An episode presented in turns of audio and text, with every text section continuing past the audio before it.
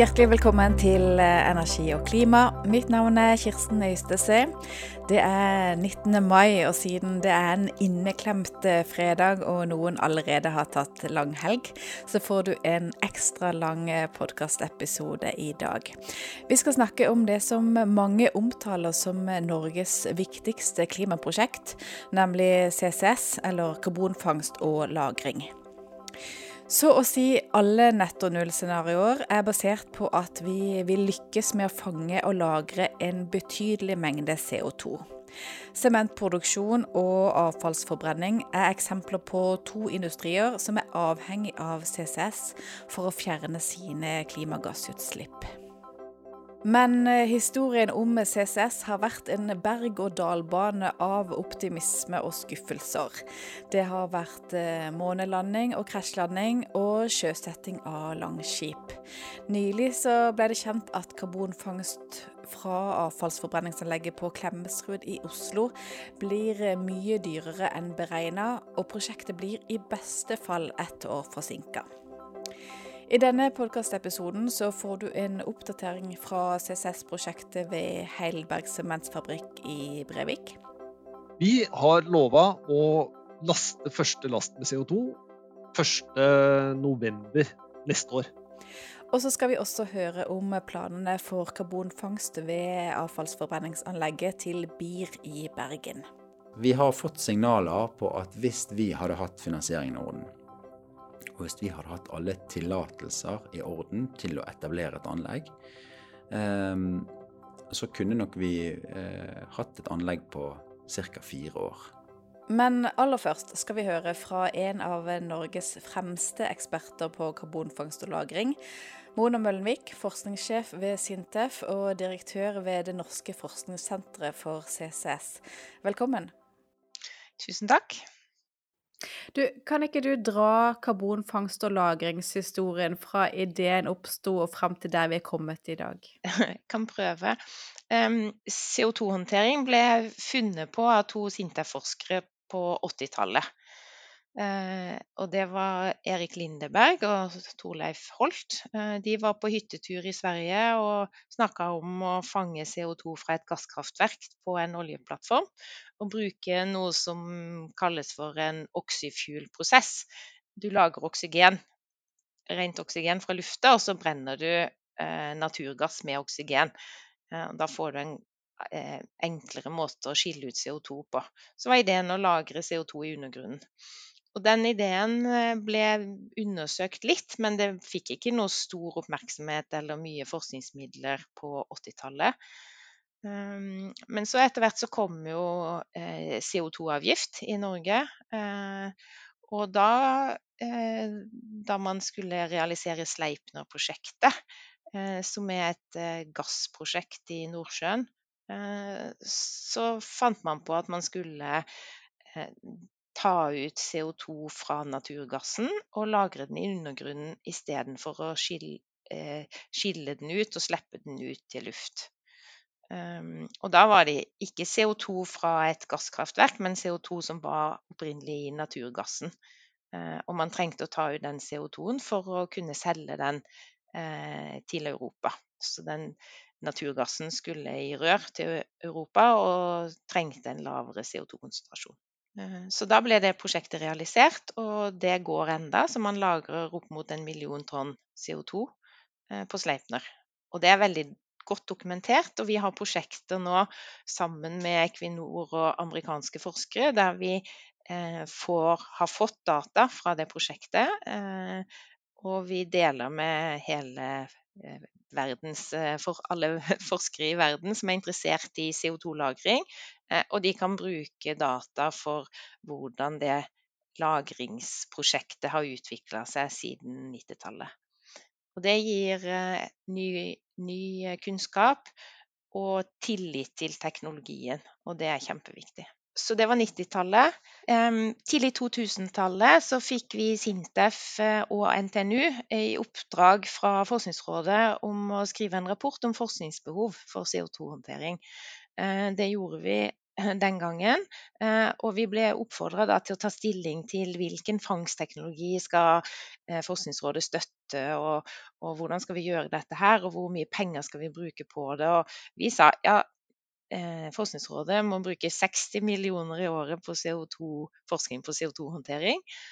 Og så sa vi at vi som forskere vi skal ikke si hvilken fangstteknologi det skal satses på, det må aktørene i næringslivet sammen med i forskningssamarbeid gjerne eh, finne ut av. Eh, og sånn har det egentlig gått. Så man har jo siden da eh, undersøkt flere forskjellige og utvikla flere forskjellige fangstteknologier. Og bygger stadig kunnskap både innenfor CO2-fangst, transport og lagring. Etter hvert så kom jo planene om fullskala CO2-fangst på, på Mongstad. Eh, og sammen med det, eh, som vi ofte glemmer, så kom testsenteret på Mongstad. Eh, der har man utvikla og testa betydelig antall CO2-fangstteknologier, særlig disse som kalles post combustion, der man fanger CO2 fra røykgassen. I forskningsporteføljen til Sintef og NTNU så var det en stor aktivitet og viktig aktivitet på CO2-fangst. Eh, dette la grunnlaget for et stort prosjekt som het Solvit, eh, som Aker starta sammen med Sintef og NTNU. Eh, det ble grunnlaget for det selskapet som i dag heter Aker Carbon Capture, og som har en betydelig aktivitet både i Norge og internasjonalt innenfor CO2-håndtering basert på post combustion-teknologi. Og mm, det er ikke bare i Norge man har utvikla eh, CO2-håndtering, eh, men man har eh, fullskalaprosjekt i, i Canada, og det er nå en betydelig aktivitet i England. Og også mm, stor, stor interesse i Europa. Også kinesiske aktører er interessert i dette her. Sånn at CCS-forskning og teknologiutvikling er en typisk global aktivitet. Eh, også i eh, det største prosjektet som går nå eh, for CO2-håndtering, eh, som ikke handler om å få til økt oljeutvinning, men som handler om å fange og lagre CO2, eh, heter Gorgon. Og det ligger i eh, Australia utafor Perth. Det er i operasjon. Eh, og det har gitt egentlig ganske mye negativ omtale om CCS. at planen til Chevron, eh, som er eier dette prosjektet, eh, var å fange og lagre 8 millioner tonn CO2 i året. Nå greier de to. Og det er grunnet ulike tekniske utfordringer. Eh, og der kommer jo forskningen inn, da, for når vi forsker på hvordan CO2 oppfører seg, eh, hvordan egenskapene er hvis du blander inn fuktighet eller andre komponenter i CO2-en, hva som skjer når du lagrer CO2 i undergrunnen, eh, om du får trykkoppbygging eller hvordan CO2-en beveger seg, hvordan du kan måle hva som skjer. Dette er kunnskap som vi helt sikre på trengs, eh, og som må komme inn i de industrielle prosjektene på et tidlig tidspunkt, sånn at vi er sikre på at eh, de som skal realisere CCS, har tilgjengelig og kan og vil bruke eh, det som finnes av kunnskap. Eh, og eh, det som har skjedd i Norge de siste årene, er jo utviklingen av fullskalaprosjektet som kalles Langskip. Eh, og som egentlig har gått parallelt med det forskningssenteret som jeg leder, som heter Norwegian CCS Research Center. Eh, og Langskip handler jo om å fange CO2 på to lokasjoner på Østlandet. På Celsio sitt anlegg på Klemetsrud for eh, søppelforbrenning, og på Norcem sin sementfabrikk i Brevik. Og eh, den CO2-en eh, skal fanges på anlegget, transporteres til havn eh, og tas imot på skip. Eh, fraktes til rundt kysten, eh, opp til Øygarden på et landanlegg der, mottaksanlegg. Eh, og derfor skal CO2-en gå i rør ut i Nordsjøen og injiseres 2000-3000 meter under havbunnen. Brønnene er båret, og det er Dette prosjektet er kjempeviktig. Og selv om det er utfordringer nå knytta til søppelforbrenningsanlegget og avfallsgjenvinningsanlegget på Klemetsrud, så er jeg sikker på at det her vil man finne løsninger på, og man vil få det prosjektet som er en ambisjon at skal være det første og en driver for å få i gang CCS både i Europa og flere CO2-håndteringsprosjekter i Norge. At, at, det vil faktisk bli en sånn driver for, for videre utvikling. Som var ambisjonen da det ble vedtatt med et bredt flertall i Stortinget. Mm. Og i Brevik så er man jo i dag i rute til å kunne starte opp karbonfangst høsten 2024. Mens på Klemetsrud så blir jo karbonfangst fra avfallsforbrenningsanlegget i beste fall forsinka ett år, sånn som det står nå. Hva er forskjellen på disse to prosjektene? Ehm, det er jo to prosjekter som har eh, fanger CO2 fra to ulike prosesser. Eh, på, I Brevik eh, så er det sementproduksjon, og det som er spesielt med sementproduksjon, eh, der kommer CO2-utslippet fra selve kalsineringsprosessen. Så det, du kan bytte ut til fornybar eh, kraft, men to tredjedeler av utslippene vil du fremdeles ha pga. kalsineringsprosessen for å lage sement. Um, Eh, der er det Aker Carbon Capture som er leverandøren eh, av teknologien. Eh, og ja, det er sånn som du sier, at det prosjektet går sin gang. Og de har helt sikkert sine utfordringer der også, for det er utfordrende å gjøre noe første og andre og tredje gang. Og så etter hvert så, så er det på en måte man har mer praktisk erfaring, og man skjønner Som Har mer kunnskap om hva som er de enkleste eller beste løsningene. Um, også på, på Klemetsrud så er det snakk om CO2-fangst på avfallsforbrenning, eh, energigjenvinning. Eh, og akkurat hvorfor det ene blir mer komplisert enn det andre, eh, jeg tror det kan tenke at det er knytta til en del ulike faktorer som kan handle om eh, av Altså Klemetsrud ligger lenger fra sjøen eh, enn Norcem. Eh, og det å få plass til selve CO2-fangstanlegget, eh, det å få liksom, integrasjonen av CO2-fangstanlegget inn i den eksisterende fabrikken, det er krevende. Eh, og der har man jo, når man ikke har mange fullskalaprosjekter eh, som er gjennomført, så har man begrensa erfaring med det. Og en måte å tenke på det som en utfordring på, eller hvordan ting har vært før, det er jo som går tilbake igjen til 70- og 80-tallet, når man ikke rensa utslipp fra fabrikker, sånn som man gjør i dag, i forhold til svovel f.eks., eh, så var jo det en stor jobb eh, å sette på svovelrensing på eksisterende piper eller utslippskilder den gangen.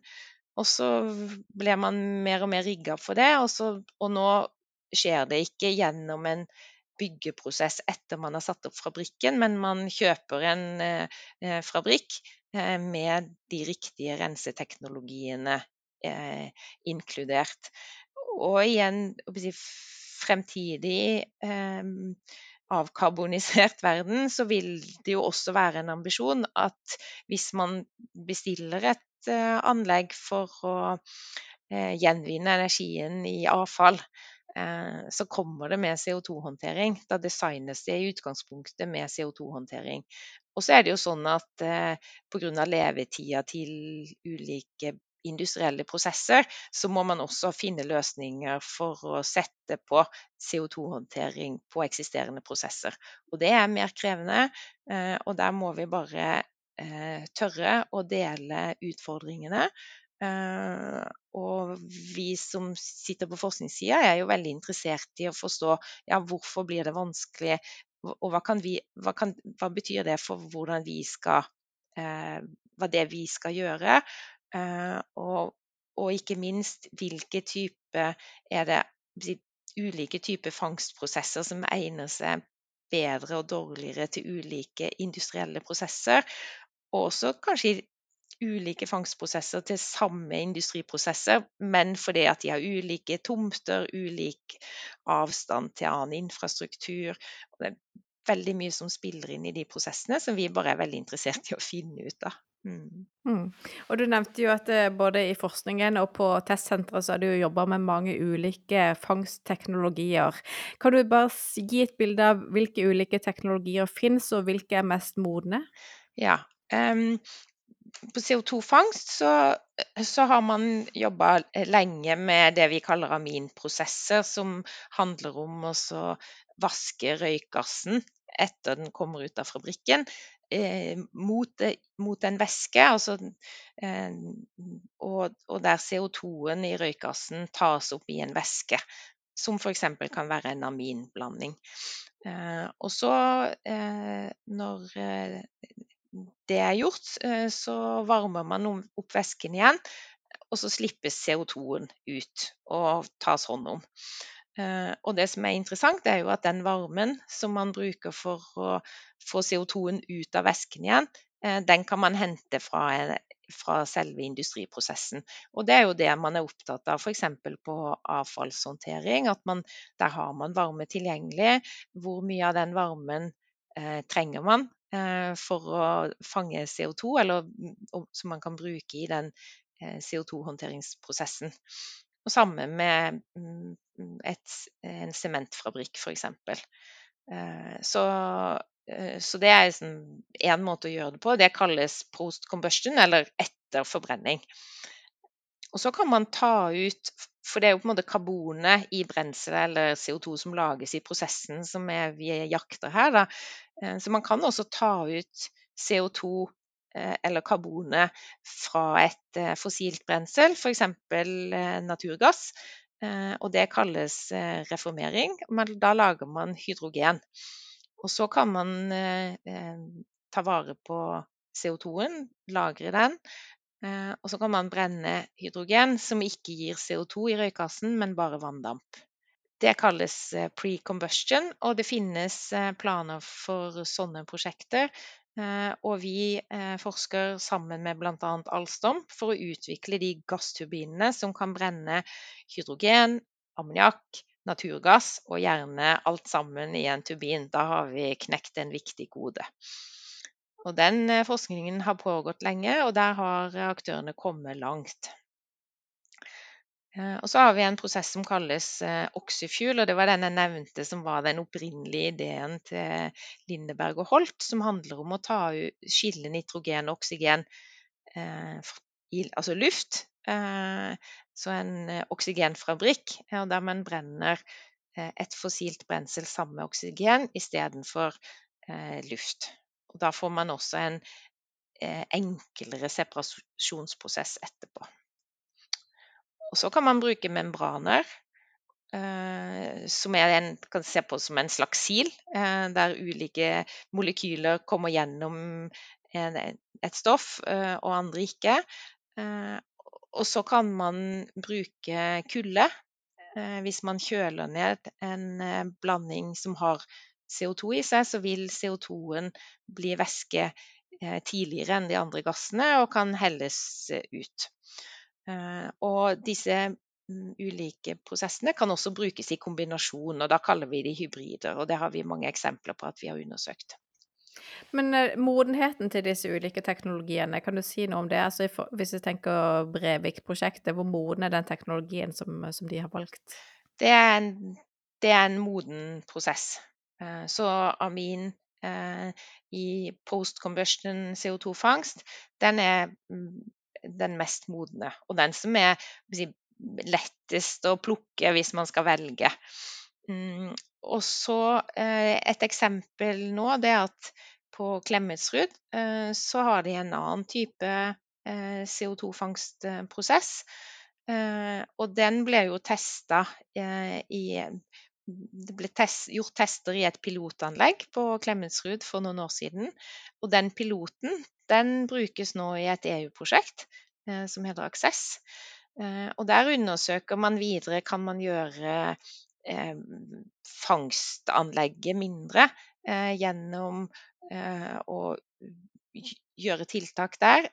Så der i det EU-prosjektet som heter Aksess, så jobber vi sammen med et lite selskap som har en roterende enhet. Og dette er nå satt opp på TCM for å testes der.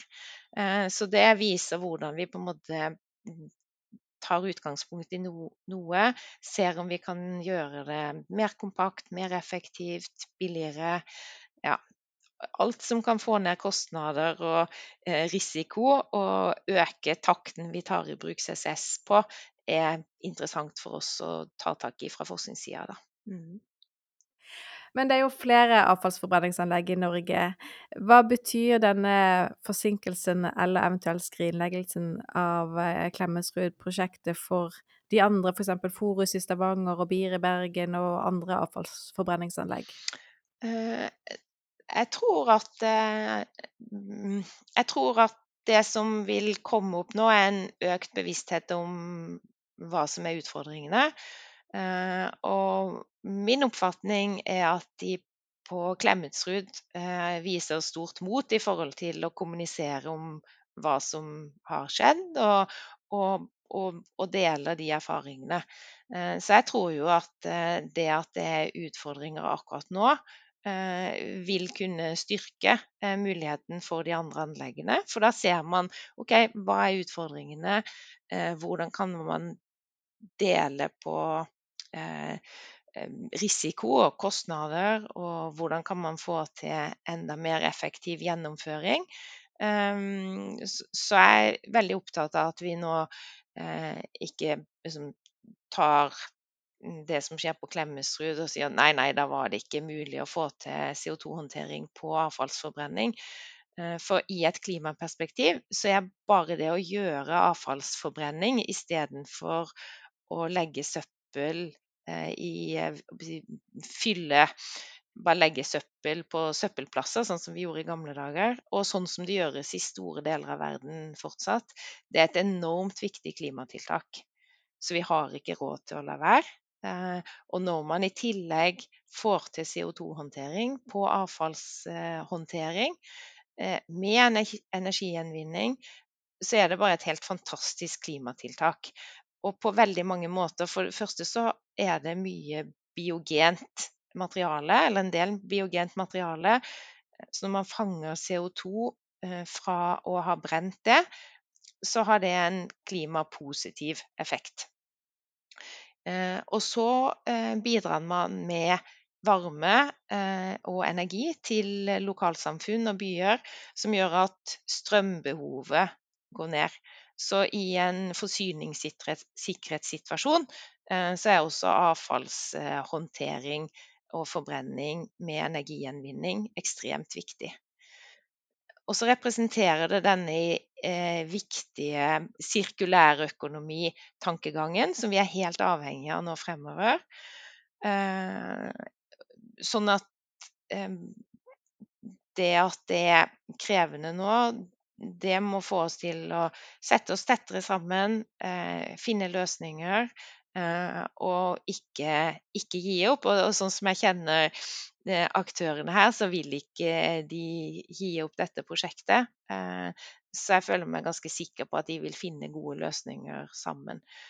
Og så er det jo en kjensgjerning at vi har inflasjon, eh, vi har krig i Europa. Og det gjør alt vanskeligere. Men det gjør også at det blir enda viktigere at man lykkes. Også hvis man ser Norges bidrag til Europa nå eh, kan være, være, så mangt. Eh, men at eh, vi i Norge skulle gi opp å realisere fullskala CCS fordi det blir litt vanskelig, Eh, det tror jeg blir veldig vanskelig å få gehør for hos våre europeiske samarbeidspartnere også. For det, det er mye eh, som er vanskelig, men det betyr ikke at ikke vi skal mm, mm. løse det. Altså hvis, eh, for du sier teknologien som eh, brukes i Brevik, den er, det er den mest modne, så, og, og, den er moden. Så hvis teknologien fungerer og er på plass, så er vel den største barrieren egentlig kostnadene. Mm. Hvor burde prisen ideelt sett vært for at dette skulle vært industrielt attraktivt for aktører, uten at du er en del av en måte, et forskningsprosjekt, og en stor nasjonal satsing?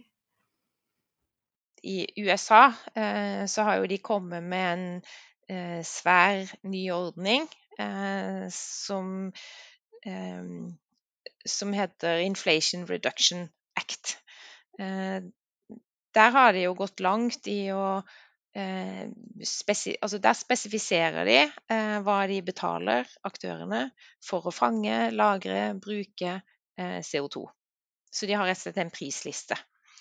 Og Det gjør jo at det blir veldig attraktivt, og det kan bli attraktivt for også norske aktører og europeiske aktører å investere i USA, for der vet de hva de får, eh, og det blir veldig tydelig. Så hvis du da er internasjonal, et internasjonalt konsern da, med aktivitet i Europa og i Norge og USA, eh, så vil man kunne se at, man, at, investeringene dras mot USA. Og Derfor så har jo Europa nå kommet med sitt mottiltak og lager planer eh, for en eh, Industrial Green Deal-satsing. Eh, og og det blir jo veldig spennende å se hvordan eh, det slår ut, eh, og hvordan man liksom rigger eh, politikken og reglene sånn at man får investeringer i Europa, og at det blir attraktivt å investere både i Norge og mm, på kontinentet for disse teknologiene. Så akkurat hva som skal til Hvis det var en quick fix på det, så hadde de jo sikkert gjort det for lenge siden. Eh, men at det kommer, eh, og at det kommer til å drive utviklingen, det er jeg helt sikker på. For det handler jo om å lukke det gapet, sånn at hvis du, hvis du, velger å elektrifisere, så tar staten mye av risikoen og ulempen, og du kan koble deg på, og staten fikser kraften. Mens hvis du skal gjøre CCS, så må du Hvis du da opplever at du må ta større risiko, større kostnad og større ansvar for hele kjeden, eh, så vil du kanskje velge elektrifisering.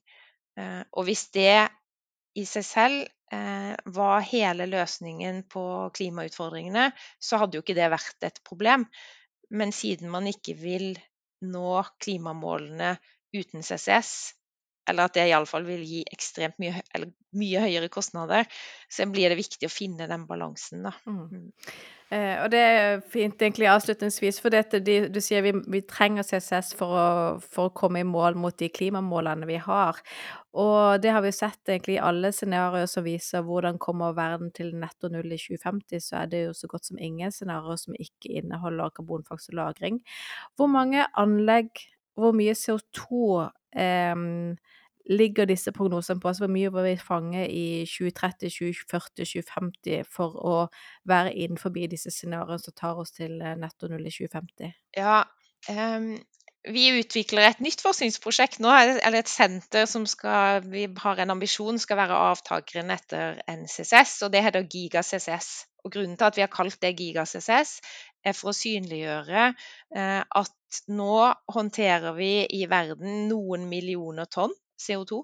Og vi syns et CCS-prosjekt på 1 million tonn fanga i året er svært. Um, og kapasiteten i første fase av Langskip er 1,5 million tonn i året. Uh, I 2050 uh, så vil Europa trenge mer enn uh, 1 milliard tonn CO2 fanga, transportert og lagra. Og den, liksom det å ta inn over seg den store utfordringen, og det at både vi som mm, forsker, eh, industrien som er aktører, men også politikere, liksom ser hvor eh, viktig dette er, eh, og hvor stor utfordringen er. Og at vi greier å ikke minst få med eh, folket, vi som stemmer. At vi på en måte passer på at vi gir politikerne våre eh, trygghet for at eh, vi kan få til denne energitransisjonen Eh, ta oss til 2050 eh, på en måte som gir barna våre håp for fremtida. Eh, det tenker jeg vi det, det skylder vi våre etterkommere, og, og, det må vi ikke slutte å mm, jobbe for. Mm. Det var fint. Veldig, veldig spennende å snakke med deg, Mona Mølvik. Tusen takk skal du ha. I like måte. Takk. Fra Heilbergs sementfabrikk i Brevik så skal det fanges 400 000 tonn CO2 per år når anlegget er i full drift. Dette er Norges første fullskala karbonfangstanlegg der CO2 fanges fra røykgassen til et industrianlegg. Jeg ringte opp eh, driftssjef Tor Gautestad for å høre hva han er mest bekymra for at skal gå galt. Vet du hva, jeg har ikke så veldig store bekymringer, altså. Det har jeg virkelig ikke. Vi er veldig trygg på at vi, det anlegget her kommer til å uh, Hva skal vi si? Det kommer til å bli ferdig, og det kommer til å fungere. Uh, kanskje ikke fra dag én. Når vi trykker på den knappen, så jeg, ikke, ser jeg ikke helt bort ifra at det er et og annet som, som må justeres litt. Men, uh, men, det, men det er så godt forberedt, og det er så godt gjennomtenkt, og det er simulert og prosjektert på alle tenkelige måter. Så eh, jeg er veldig trygg på at det kommer til å fungere. Så, eh, men vi har hatt noen forsinkelser uh, som skyldes uh, altså leverandørkjeden på syrefast stål, som gjør at vi er litt forsinka. Det har på en måte vært bekymringen nå i det siste, og er for så vidt det fortsatt. Men uh, det vil si Vi har kontroll på den leveransen nå, men det har forsinka oss med fire måneder ca. Mm. Så sånn det ser ut nå, nå trykker dere på startknappene? Vi har lova å laste første last med CO2 1.11. neste år. Altså 2024. Det er den store milepælen vår, altså. Da skal vi eh, være i stand til å, til å laste flytende CO2. Mm. Og når dette da skal skipes, eh, si noe om omfanget her. Altså hvor mange skipinger eh, er det per uke, er det per måned? Eh, hvilke, hvilke volum snakker vi om? Eh, vi skal jo fange 55 tonn i timen. Og det blir ca. 5000 tonn eh, på fire døgn, og det er det vi har plass til. Vi bygger seks lagertanker med totalt volum på, på 5000 tonn. Og det er fire døgns produksjon. Og da Ja, så Northern Lights da, må komme med sitt skip og hente det minst hvert fjerde døgn. Så ikke det går fullt. Skjønner. Hva er det Du, sa det var ingenting som bekymrer deg veldig, men, men, hvis det er noen ting som du tenker her må vi være obs på at dette skal gå At vi skal komme i mål der vi ønsker å være da i, i, i høsten 2024, hva er det? Ja, det er ikke noe tvil om at det er, det er, ting vi er oppmerksom på. Vi har et risikoregister som er eh, relativt stort, som vi jobber med hele tida. Å få ned altså få bort risikoforhold. Og det er ikke så veldig mange igjen, men vi har noen uh, igjen som er, vi er på en måte veldig oppmerksom på. Og uh, det ene er som nevnt det her med altså, leveransen av syrefast uh, stål, som vi trenger ganske mye av, som er forstyrra av krigen i Ukraina og sanksjonene mot Russland. Som gjør at nikkel har vært, en, vært mangelvare i en periode og som har forstyrra den kjeden, og som har forsinka oss i fire måneder. Så den risken har vi for så vidt nå veldig god kontroll på. Nå jobber vi jo mer og mer mot commissioning og igangkjøring. Det er den ja, tar mer og mer oppmerksomhet. Og det er mer og mer min oppgave. Jeg er for øvrig ikke lenger prosjektleder. Jeg har vært det fram til 1.3, eh, men uh, har nå tatt oppgaven som, uh, som driftssjef for anlegget. Og ehm, det er ganske mye eh, ny teknologi i det anlegget. Og det er et veldig optimalisert anlegg. Og det er veldig mye måte, nye ting som nå skal fungere sammen i et samspill som ikke er testa ut i den skalaen før. Og det er, det er helt klart, i oppstarten av det så er det en del ting som kommer til å bli vanskelig. Som vi må prøve oss litt fram på. Men jeg, jeg, det er ikke noe jeg er bekymra for. Men vi jobber veldig mye med det nå. Og finner ut akkurat hvilken sekvens vi skal starte ting i. Og med hvilke ja, tidsopphold og, og, alt det der. For å få det i gang på en trygg og skikkelig måte. da.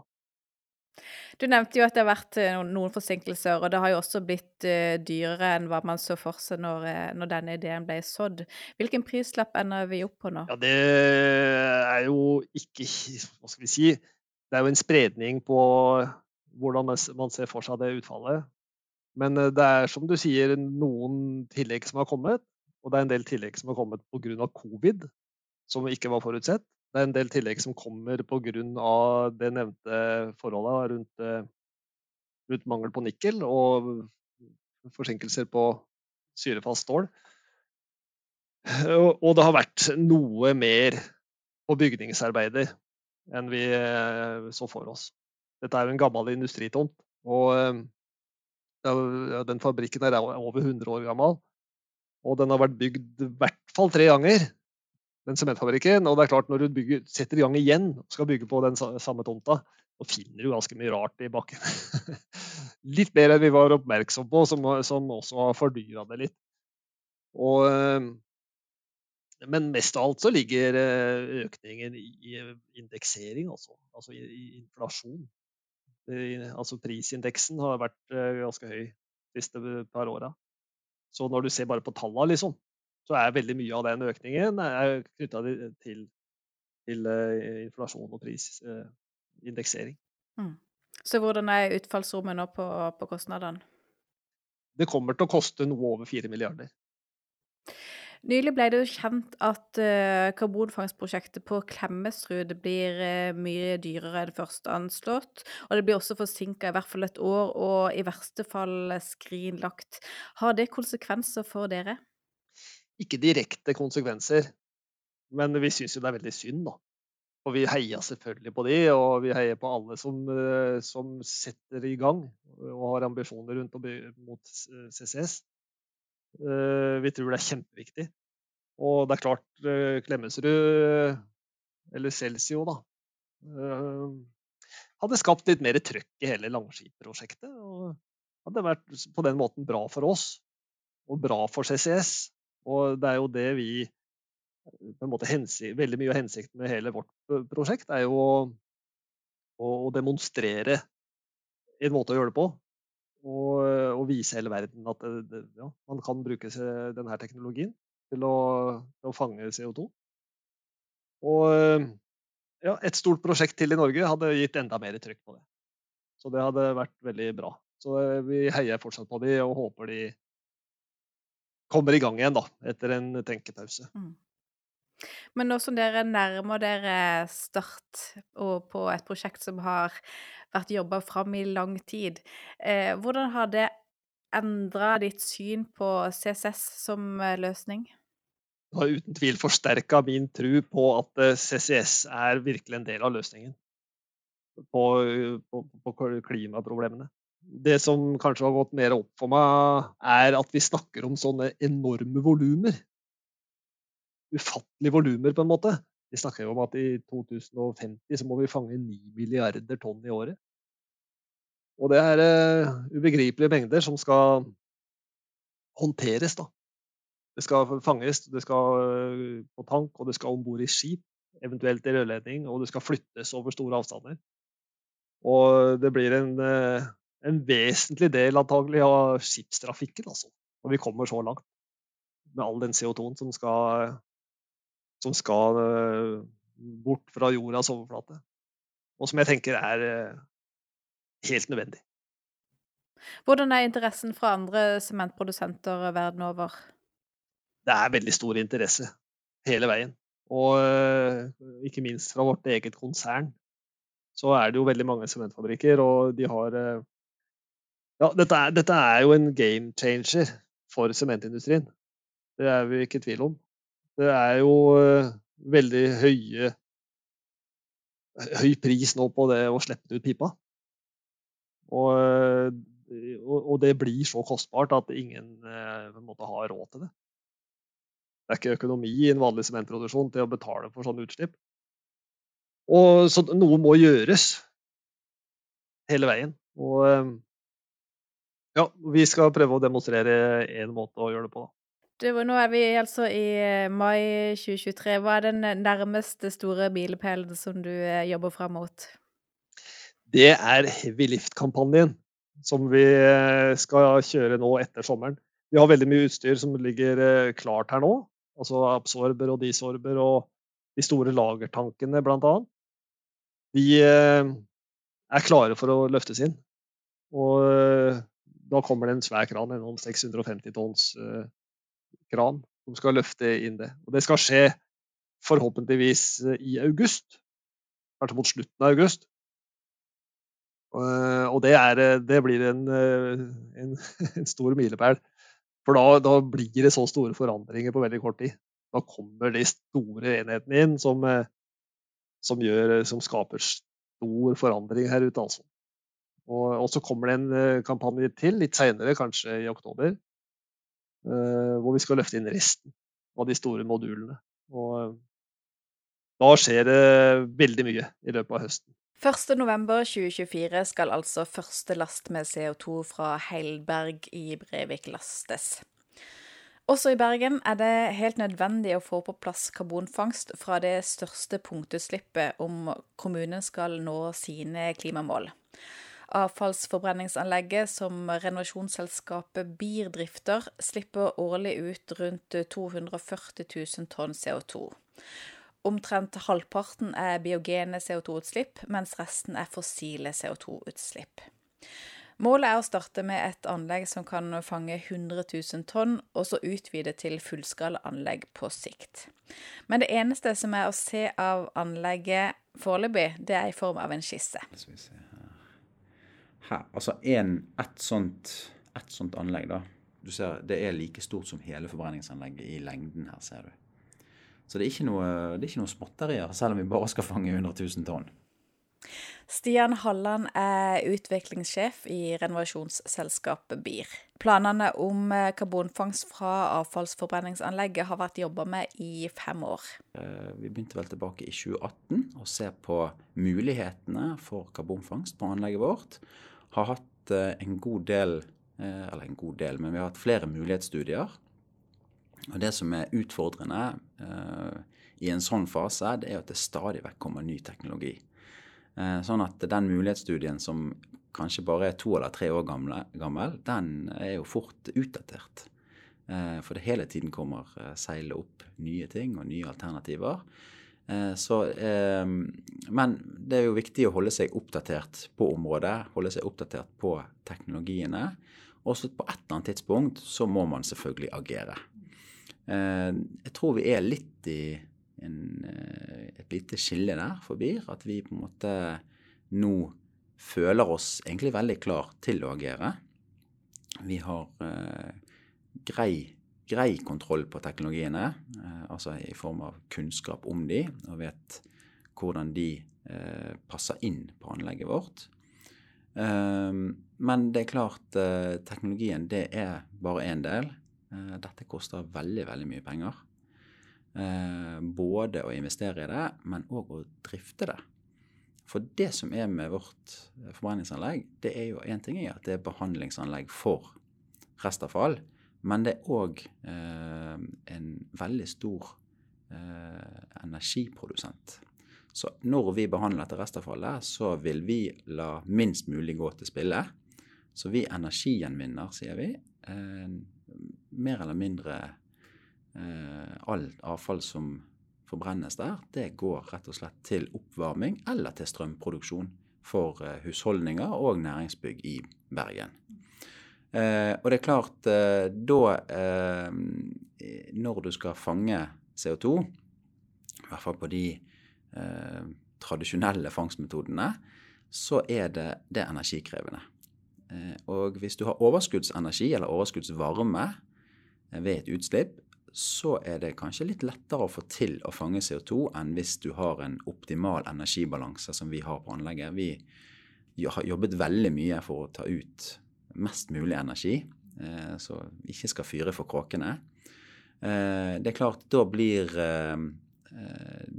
da blir det dyrere. For den strømmen som vi, eller varmen, som vi nå må bruke eventuelt inn i et fangstanlegg, det eh, er jo varme som egentlig da faktisk må suppleres fra andre steder. For det er allerede, nå er det en etablert energikilde i Rådalen som leverer denne strømmen her. Og eh, veldig mange er avhengig av eh, i hvert fall varmen. Altså fjernvarmeutbyggingen i Bergen er ganske stor. Det er veldig mange bygg som er knyttet inn på dette. Og det er klart hvis ikke vi kan levere varme ut i det nettet, så må de få den energien andre plasser fra. I første omgang så ønsker dere å fange 100 000 tonn CO2. Hvorfor det?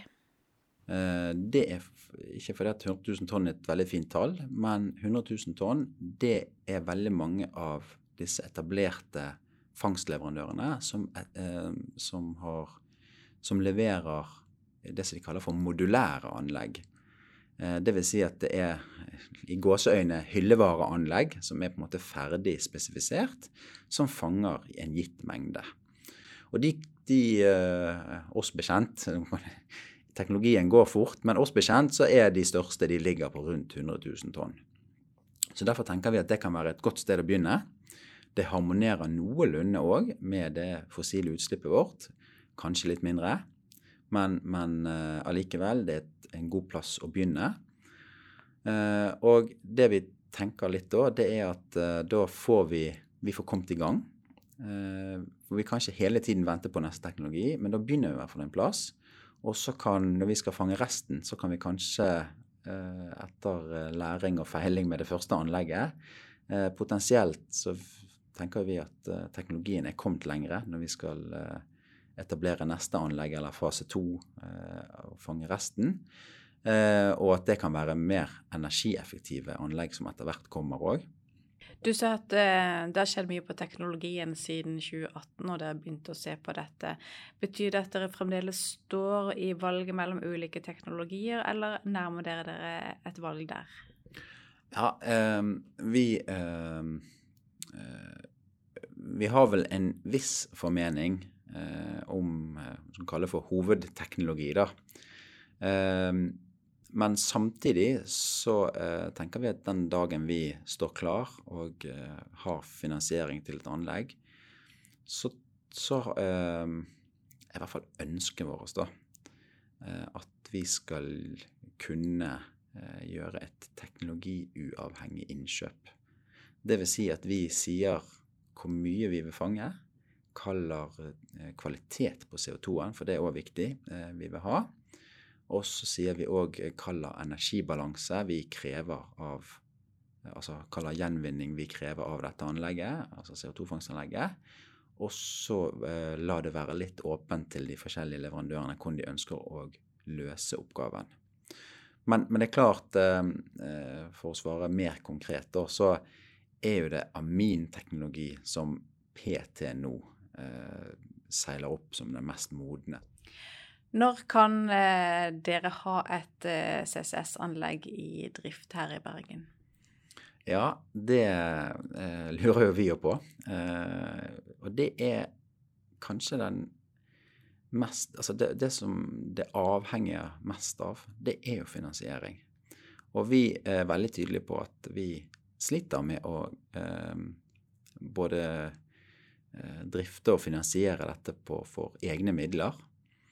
Eh, så vi er avhengig eh, av hjelp. Da, vi, da, peker vi både på kommune og på stat. Hvorfor gjør vi det? Jo, fordi at i dag så er ikke det er ikke nok insentiver, altså det er ikke nok markedsmekanismer som gjør det lønnsomt å fange CO2. Og Det er, litt, det, det er en stor utfordring.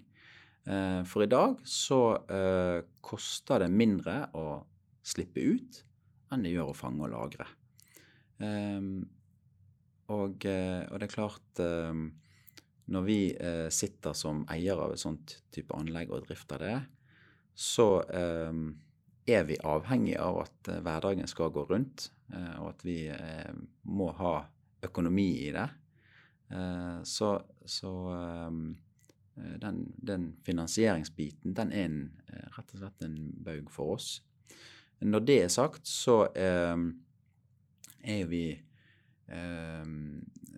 Vi er veldig opptatt av at eh, det bør komme mer statlige virkemidler på plass som går rett og slett på å fjerne CO2.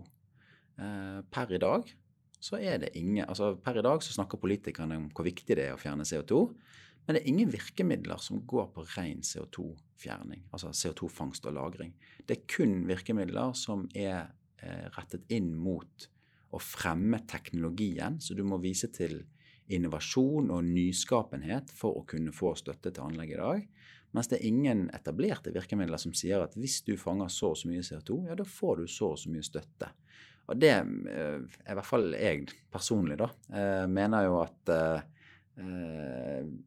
her bør jo våre folkevalgte komme mer på banen og faktisk kunne gå inn og i en sånn fase som vi er i nå, vi ser hvor problematisk det er med de anleggene som allerede skal bygges, eh, hvor egentlig umodent både teknologien og eh, i det hele tatt hele konseptet er.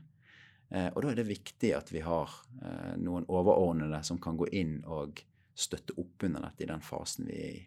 Eh, så når et anlegg kan være på plass Vi har fått signaler på at hvis vi hadde hatt finansieringen i orden, og hvis vi hadde hatt alle tillatelser i orden til å etablere et anlegg, eh, så kunne nok vi eh, hatt et anlegg på ca. fire år. Eh, fra vi gjør en beslutning til det er oppe i prøvedrift. Eh, nå gjengir jeg bare det som vi har blitt fortalt av, av de potensielle leverandørene som er der ute.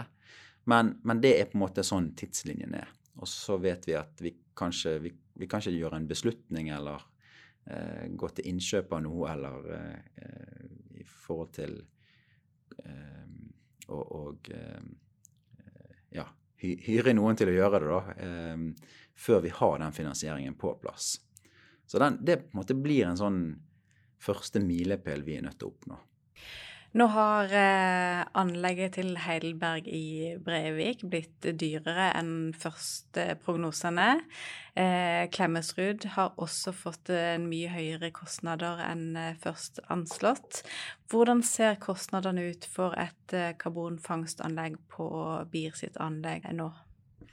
Ja, vi, I henhold til eh, et eh, si, forprosjekt som vi kjørte i, mot slutten av 2022 så um, ligger uh, Og nå, nå, snakker vi ikke fullfangst. Sant? Nå snakker vi fangst av 100 000 tonn, som er det vi konsentrerer oss om i første omgang. Og hvis, bare for sammenligning, da, så er anlegget i, på Klemetsrud det er jo eh, Norges største forbrenningsanlegg. Hvis vi fanger 100 000 tonn, så er det ca. en fjerdedel av deres anlegg. Eh, så viktig å, å ikke sammenligne eh, oss direkte med de i forhold til størrelse. Men eh, et, et sånt modulært anlegg i forhold til de beregningene vi gjorde da, og de undersøkelsene vi gjorde i, i høst, så eh, ligger selve investeringen Den ligger på i overkant av en milliard. Um, men det er klart, det var, uh, det var gjerne før stålpriser og andre priser eh, har løpt litt løpsk. Så, så, det er klart, det, sånne ting vil jo påvirke oss òg. Vi har ikke gjort noen revidering etter det, eh, rett og slett bare fordi det er ikke hensiktsmessig i den fasen vi er i nå. Men, men det er klart, eh, det er, det er mye stål i et sånt anlegg, så det er naturlig at det vil påvirke eh, også for oss. Karbonfangst fra avfallsforbrenningsanlegget til Celsior på Klemetsrud det blir i beste fall ett år forsinka. Hva betyr det for dere?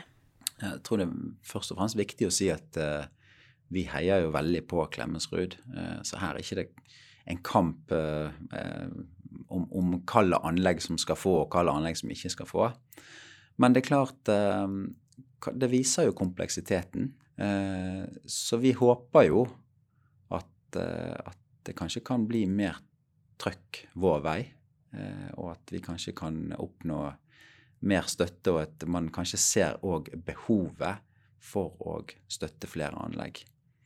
Og det er jo noe òg vi Når, når Langskip-prosjektet ble etablert, så Vi skal jo noen år tilbake igjen. Og jeg antar at man på det tidspunktet tenkte nok at Eh, ok, Hvis vi får noen, noen anlegg opp og går, sant? det er jo disse to anleggene, det er jo sementproduksjon og det avfallsforbrenningsanlegget, så skal dette bane vei for de neste som kommer, og det skal bli eh, Da er markedet modent nok til at dette her går av seg sjøl.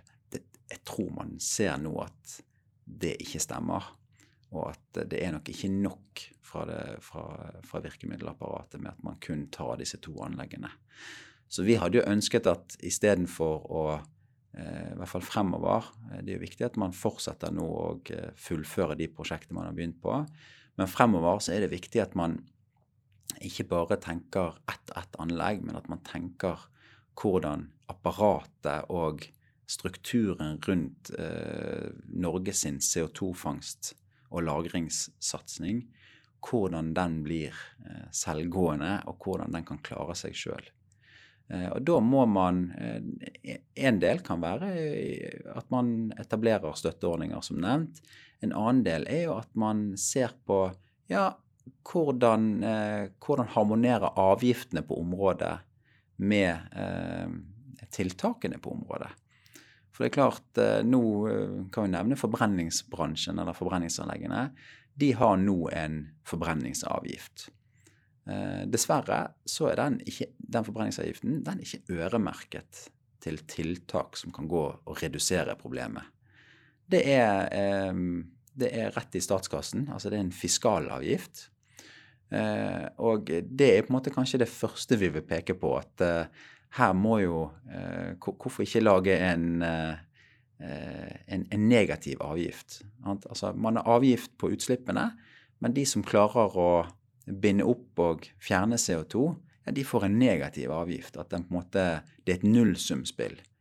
Um, så den, type virkemidler er mye av det vi uh, i hvert fall funderer på og uh, tenker hadde vært fornuftig. Uh, det vil jo òg stimulere til at de som har disse utslippene, Eh, det blir jo en ekstra gulrot for de som har de, å fange det. Sant? Ikke bare slipper man den avgiften man tidligere fikk, men man faktisk får òg honorert for det man eh, faktisk klarer å eh, Den CO2 man klarer å fjerne.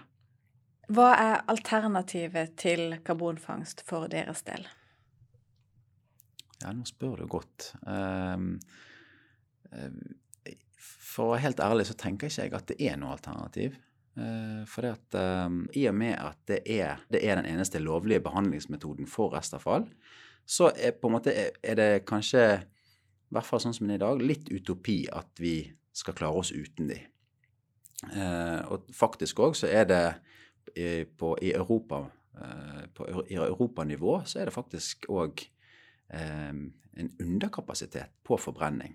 Så selv om det er eneste lovlige behandlingsmetode i dag, så blir det ufattelig mye eh, restavfall som blir eh, lagt på deponi rundt omkring i Europa i dag. Og da snakker vi veldig mye større utslipp enn ved forbrenning. For da er det ikke lenger bare CO2, da er det mye metanutslipp. Så selv med de sorteringsmålene, for nå blir det strengere og strengere utsorteringsmål, som vi avfallsselskap må forholde oss til. Det vil jo si at eh, det er ikke lenger greit at det er mye f.eks. god eh, papir eller mye matavfall eller glass og metall i restavfallet. Det må ut av restavfallet. Men selv når vi når strenge mål som kommer å bli implementert frem til 2035, så er det fremdeles en underkapasitet på ca. Hvis vi tenker det største forbrenningsanlegget i Norge, som er Klemetsrud, så mangler vi 100 sånne anlegg i Europa eh, i 2035. Etter vi er ferdige å nå disse målene. Eh, og Derfor er det òg så ekstremt viktig at vi får til en god logistikk rundt CO2-fangst på de avfallsforbrenningsanleggene. Eh, for det er, eh, sånn som vi ser det, som jeg nevnte i sted òg, selv om vi når de utsorteringsmålene som vi ønsker å, å, å nå, og som på en måte vi er veldig, veldig langt fra altså verden er veldig veldig langt fra å nå de utsorteringsmålene. Så selv om vi kommer opp i de, så er det Man har bruk for forbrenning. Det er underkapasitet for forbrenningsanlegg fremdeles. Så vi, vi, vi, ser ikke, vi, vi ser ikke at det er andre muligheter, rett og slett.